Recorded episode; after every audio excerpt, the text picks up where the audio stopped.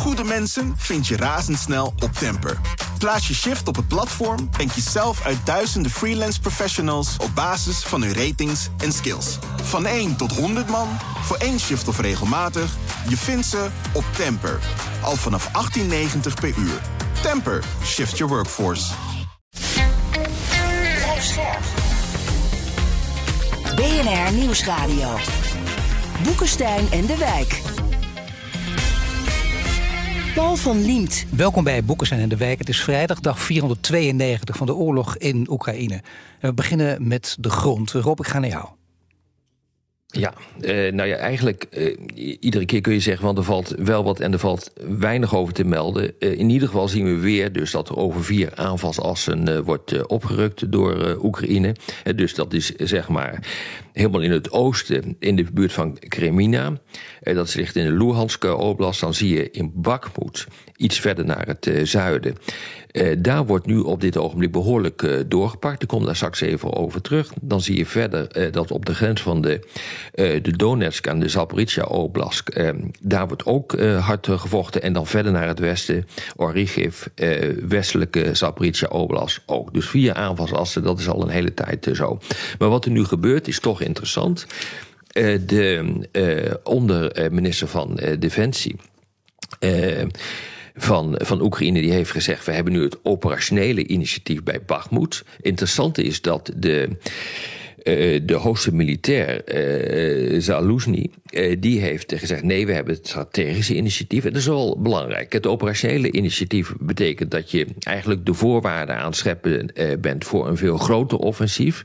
Terwijl de, het strategische offensief betekent en het strategische initiatief betekent dat je dat al hebt en dat je dus nu kunt doorpakken. Dat is dus kennelijk nu wat uh, de.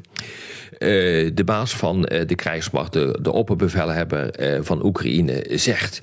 Um, en dat is op zich voor Oekraïne goed nieuws, want dat betekent namelijk dat ze kunnen doorpakken en dat ze in staat moeten geacht worden om die eh, Russische troepen bij Bak moeten omsingelen en ze dus eigenlijk ja, verpletterend te verslaan. Of het allemaal nog uh, zo loopt, dat moet allemaal nog wel uh, bekeken worden. Maar het gebeurt op dit ogenblik wel en er zijn voorzichtig aanwijzingen dat die opmars nu, nu vordert. Een paar kilometer is er uh, is er veroverd. Als je naar de kaart kijkt, is het nog steeds niet echt te zien. Het is nog steeds niet significant. Maar dit zijn toch wel belangrijke aanwijzingen dat dat offensief een klein beetje op stoom begint te komen. Maar uh, je kunt hier nog geen echte conclusie uittrekken.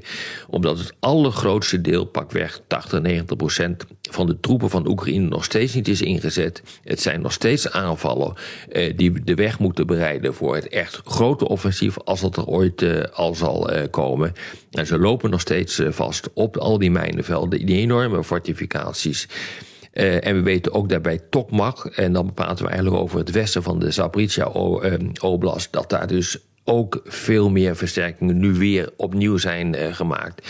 Omdat het een van de grote doorbraakgebieden zou kunnen zijn in de richting van Melitopol.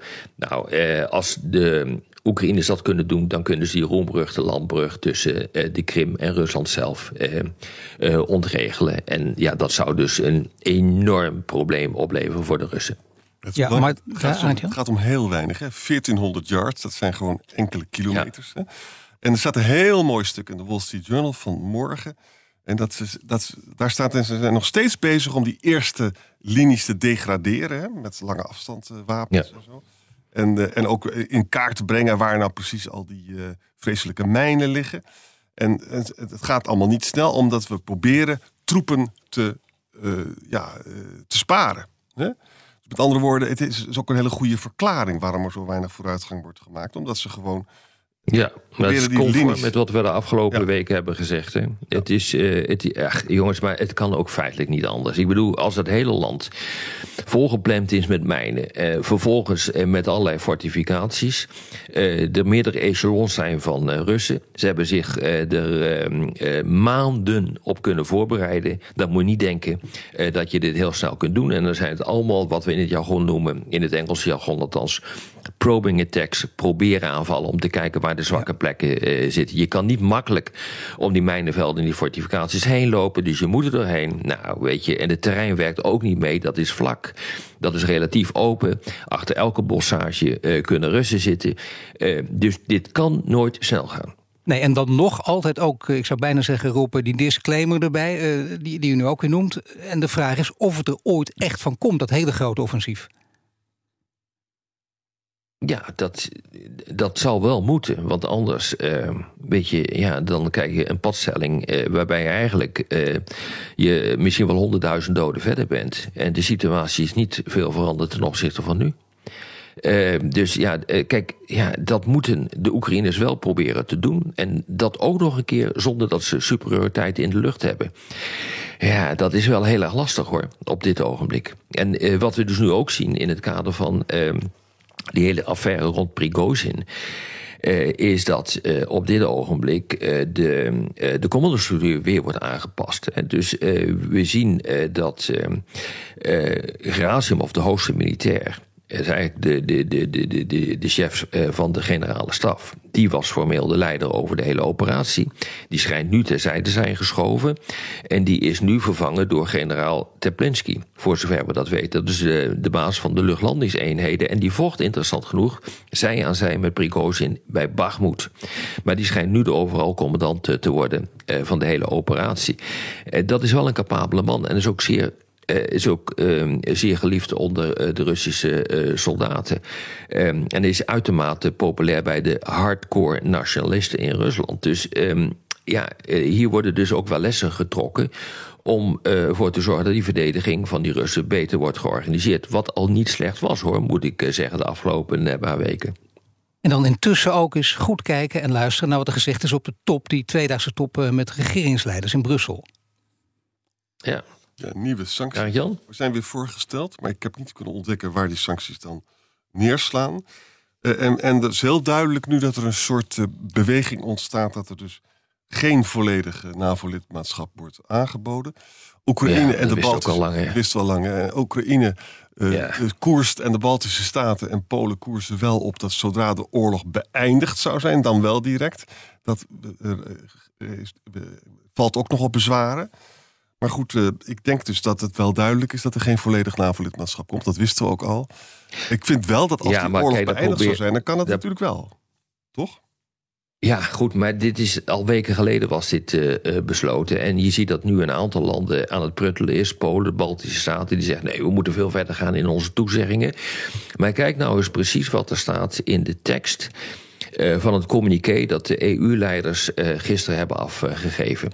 Uh, daar wordt niet eens meer gesproken over veiligheidsgaranties, maar over security commitments in de Engelse tekst. Dat zijn toezeggingen. Waarbij nog moet worden uitgewerkt hoe die commitments, die toezeggingen dan moeten uitzien. Ehm, waarbij ook nog een keer wordt gezegd: ehm, we zullen dat gezamenlijk doen. Ik zie het trouwens volgens mij fout in, ehm, in de kranten staan, waarbij wordt gezegd van.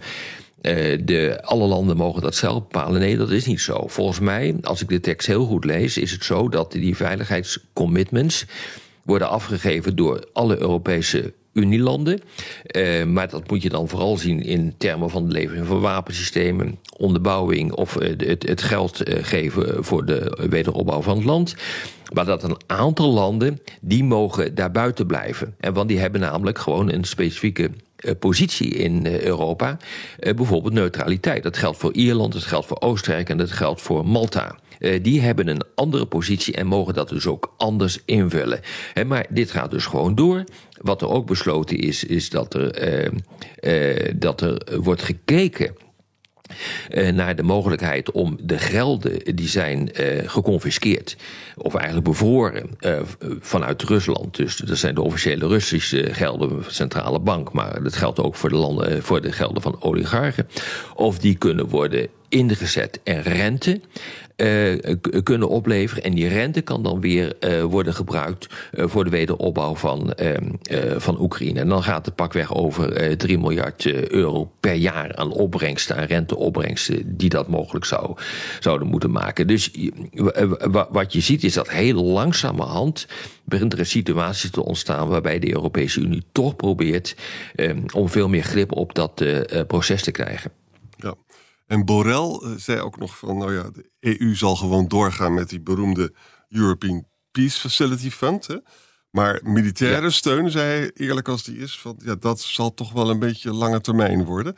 Wat tegelijkertijd bekend wordt, dat vond ik interessant, dat Rheinmetall in Duitsland en Lockheed Martin mhm. gaan dus nu samenwerken om, om, om gemeenschappelijk een nieuwe meervoudige raketlanceerinstallatie te doen.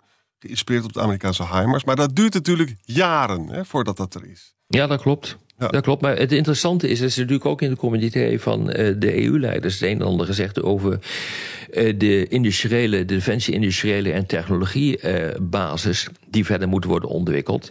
En er zijn allerlei plannen uh, om dat voor elkaar te krijgen. Je hebt het ASAP-plan. Uh, ASAP betekent eigenlijk zo snel mogelijk. Uh, maar het betekent feitelijk, hier gaat het om een wet. En A is dan act. Uh, om de munitieproductie uh, te versnellen en beter te organiseren. Maar er komt ook een wet voor de defensieverwervingen. En er komt een, een, een, een voorstel voor een wet die gericht is op defensie uh, investeringen en innovaties. Dus er, is op dit ogenblik ontzettend veel aan de hand. En je ziet dus ook dat de Europese Unie op dit ogenblik bezig is om met name op defensiegebied um, de boel naar zich toe te trekken. Maar de echte veiligheidsgaranties die zitten wel in het EU-verdrag, maar kunnen nog niet echt uh, worden uh, gegeven door de Europese Unie. Dat is veel meer een zaak van de NAVO. Dus je ziet nu eigenlijk een een verdeling uh, komen tussen de NAVO en de Europese Unie, waarbij eigenlijk de Europese Unie in belangrijke mate bepaalt, zorgt dat de voorwaarden geschapen worden in termen van defensieindustrie, technologiebasis. En de, en, de, uh, en de NAVO die geeft dan de formele veiligheidsgaranties op een of andere manier, met name op termijn, langere termijn, NAVO-lidmaatschap. Het is ook geen wonder dat bij uh, de bijeenkomst van de EU-leiders ook Stoltenberg aanwezig was, die overigens gevraagd is om een jaar langer te blijven. En dan afrondend nog één ding over Amerika. Want uh, daar hoorden we ook nieuws uit het Pentagon. Het ging namelijk over de, de lange afstandsraketten. Die worden nog niet ja. geleverd, met nadruk gezegd. De Wall Street Journal had gisteren ja, dat... Dus dat het zou komen. Pentagon heeft het vanmorgen expliciet ontkend. Klopt. Wat ik ervan weet is dat uh, die ATACMS, daar gaat het om, 300 kilometer bereik... die worden alleen geleverd als Rusland bepaalde rode lijnen overschrijdt. Het, een rode lijn is bijvoorbeeld het aanvallen van Kiev... Eh, de, althans, dat doen ze al. Maar bijvoorbeeld de leiding in Kiev, Zelensky zelf, het ministerie van Defensie, het, het, het, het paleis waarin de, eh, de presidentiële administratie zit. Als dat wordt gedaan, dan eh, worden die ATACMS geleverd. Of wanneer bijvoorbeeld kernwapens op een of andere manier worden ingezet, dan ga je ook een rode lijn over. Dus die ATACMS worden achter de hand gehouden als Oekraïne, eh, als Rusland eh, rode lijnen overgaat. En dat is belangrijk, want de Russen zijn echt als het dood voor die ATACMS. Daarmee zou je in principe in staat moeten zijn om vanuit het achterland heel veel doelen in, uh, in uh, de Krim. Te, te, te, te, raken. En als je dat gaat doen, ja, dan heeft Rusland echt een geweldig probleem. Dus in het kader van de afschrikking, voor zover ik ben geïnformeerd, worden die dingen nu niet ingezet en niet geleverd. En zouden ze het wel leveren als Saporizia en de hens wordt gestoken door Poetin? Kern, uh... Ja, dat zou een uh, mogelijkheid uh, zijn. Ja, dus, ja, je praat dan over de, de, de kerncentrale van ja. Zaporizhia. Ja, je, je, zou je kunnen voorstellen. er zijn berichten dat de Russen mijnenvelden hebben gelegd. bij de, de voorziening van bij de koelwatervoorziening. Ja. Als als je hem zou willen saboteren, moet je inderdaad de koelwatervoorziening uh, saboteren. Uh, althans, dat is wat de experts zeggen. Ik ben geen expert op het gebied van kern, uh, kerncentrales, maar dat lijkt me ook vrij logisch om dat te doen. En je kunt je inderdaad voorstellen dat je daarmee ook weer een rode lijn overgaat en dat je ze dan ook gaat leveren. Oké, heren, hartelijk dank. Ik dank Arend-Jan, ik dank Rob en ik dank u voor het luisteren. En graag tot de volgende. Goede mensen vind je razendsnel op Temper. Plaats je shift op het platform en kies zelf uit duizenden freelance professionals op basis van hun ratings en skills. Van 1 tot 100 man, voor één shift of regelmatig Je vindt ze op Temper. Al vanaf 18,90 per uur. Temper, shift your workforce.